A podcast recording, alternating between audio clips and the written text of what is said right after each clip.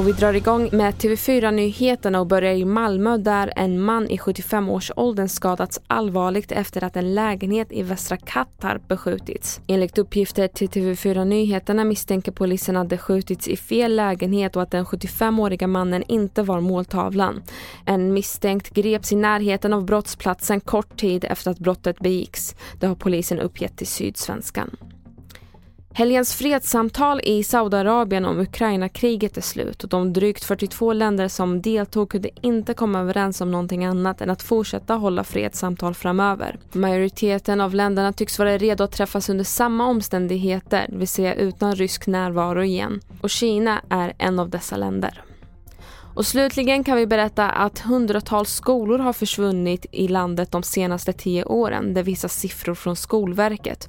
Och nu växer oron för att fler byskolor ska läggas ner då många kommuner behöver spara och barnkullarna minskar. I byn Revinge i Skåne kämpar man för skolans överlevnad. Där kommer det i höst att gå 23 elever.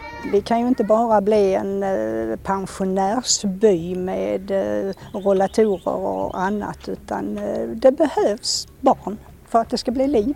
Där hörde vi Annika Rodman på Revinge byförening. Fler nyheter hittar du på tv4.se och jag heter Merیم Yamin.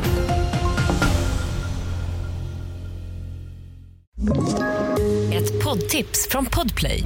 I fallen jag aldrig glömmer djupdyker Hasse Aro i arbetet bakom några av Sveriges mest uppseendeväckande brottsutredningar går vi in med hemlig telefonavlyssning och, och då upplever vi att vi får en total förändring av hans beteende. Vad är det som händer nu? Vem är det som läcker?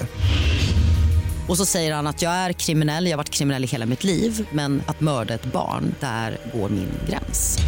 Nya säsongen av Fallen jag aldrig glömmer på Podplay.